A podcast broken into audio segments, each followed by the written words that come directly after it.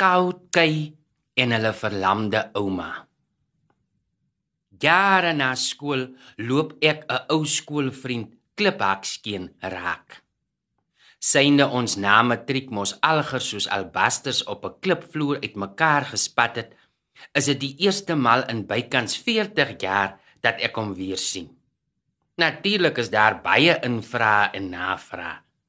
Dit blyk dat hy een of ander hoë kokkedoor by die parkeraad is en meer spesifiek dat hy sy lewe in die Kalahari sluit aan die Botswana kant in die gebied wat deesdae as die Galagadi oorgrenspark bekend is. Kliphakskeen kan hy kom 'n dialek van die Bushmans praat. Hy ken die mense se gebruik in kultuur en hy bly veral na sy vrou dood is en met sy kinders uit die huis uit soms maande in die woestyn intrek saam met sy Bushman vriende rond. Hy vertel van brulduine, die gif van die naboom, bekruipte tegnieke, die kragtige medisyne wat die mense van krye, bossiegoed en wilde diere maak. Sommige klomp goedes waarvan ek niks weet nie. Veral sê hy het hy daar gesien hoe kragtig die medisyne van 'n leeu is. Nog 'n gebruik waarvan hy my vertel het, is hoe die mense na hulle ou mense omsien. Kliphaakskeen vertel: "Man, die mense se lewens is vreeslik in mekaar. As jy nie mooi weet wie is wie nie, lyk dit vir jou of hulle alger van mekaar man, vrou of kind is. Hulle doen alles saam en elkeen het sy werk. Die mans is die jagters en die vroue die versamelaars. Maar kom eettyd en slaaptyd, dan is almal op 'n bonnel. Daar om die vuur is hulle saam so vrolik soos vindisie donkies. Dit gil en vertel stories. In die groep van sowat 15 koppe by wie Kliphaakskeen vertoef het, was daar onder andere ook 'n ouma. 'n ouma met 'n naam wat enige iets tussen Hykom of Chinese kon wees. Wie se ouma of skoonma dit was, weet hy nie, maar soos hierbo verduidelik, het dit eintlik ook nie saak gemaak nie. Dit was daardie groep se ouma. Almal, gesamentlik en afsonderlik, was vir haar welstand en vir al haar beweging verantwoordelik want die ou mens was skynbaar so verlam dat sy soos die groep in hulle nomadiese bestaan rondgeskuif het oral heen gedra moes word.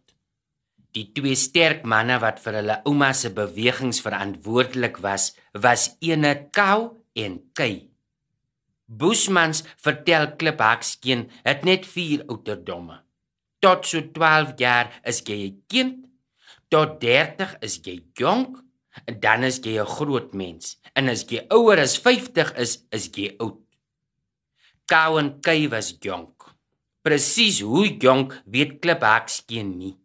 Dog na sy oordeel moes hulle iewers in die 20 gewees het want hulle was al bedrewe jagters Die proses verloop blykbaar soos volg Na 'n sekere tyd op 'n bepaalde plek kom daar aan dat die vroue tydens 'n beraad om die vuur aandui dat al die veldkos van die streek geoes is. En as die kos op is, word die wild ook skaars en trek. Die jagters hou dan die samesprekings en besluit in watter rigting hulle volgende moet trek en hoe ver.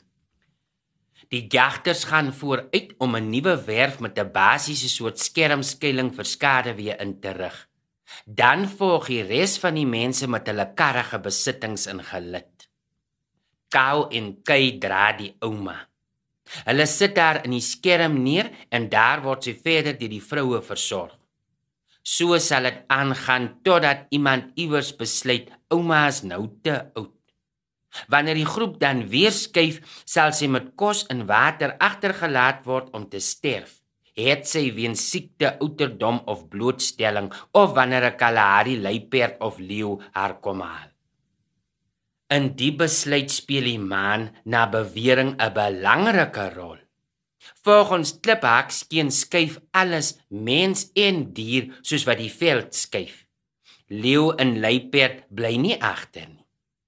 Die jagters in sy groep was heeltyd op die uitkyk na spore en bewegings van die soort roofdiere, daar waar hulle mos nou maar eenmal nie saam in dieselfde skerm hoort nie.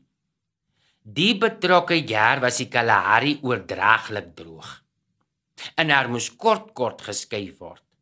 Water was veral 'n kwessie, so erg dat die besigheid later daarom te beknop gevoel het plantvreter, vleisvreter, tor, skerpioen, slang, mens.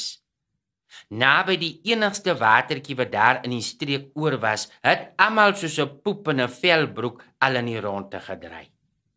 En dan weet 'n mens mos op 'n dag gaan jy vir jou in een van daai vuilbaarde met die stinkasems vasloop en sand is nou nie die gaafste soort vlak as jy vinnig wil versit nie maar Kliphaksteen trek saam met die groep en gedoog dit.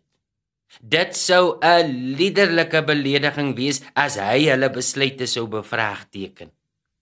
Hy vertel dat hulle die dag ver versit in skerm opgeslaan het. In so 'n geet leegte tussen drie duine. Die twee aan weerskante was onhebbelik styl en hoog en dan was daar so 'n dwarsplat duintjie wat nog besig was om duin te word. Die ander punt van die geet was vir etlike honderde tree of so oop, juis in die rigting waar die watertjie was. Daar het hulle die aand maar veldkos geëet want vleis was daar nie. En toe maar vroeg aand elkeen sy karos en duik in die sand gekry vir slaap. Die lepel in die pappot Orion het nog mooi regop gestaan. Dit was nog nie middernaggie toe brul daar skielik 'n leeu sommer hier bitterlik ongemaklik naby aan hulle aan die oopkant van die gee daar tussen die twee groot duine. So 'n noodtoestand vra van niemand hulp nie.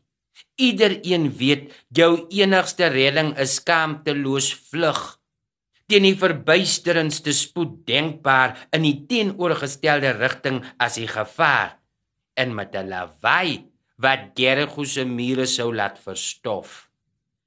Kliphaksteen vertel. Elkeen se opstaan, gil, skree en vertrek in al wat 'n windrigting is, behalwe die oopkant van die duingeet, was eendragtig, lafhartig gelyk. Sê hy, jy kon nie fyn duinsand onder die vertrekkende se voete hoor vlieg. Hy self het blykbaar die stilte van een van die hoë duine gekies want ondanks sy verwaarde vertrek in vaart het hy daarmee teenwoordigheid van gees behou om onder die wind van die groot gebrul te probeer kom. So halfpad op teen die duin kon hy hoor. Hier skuins voor hom is daar nog vlugtendes. Kort daarna hoor hy geskou en kei.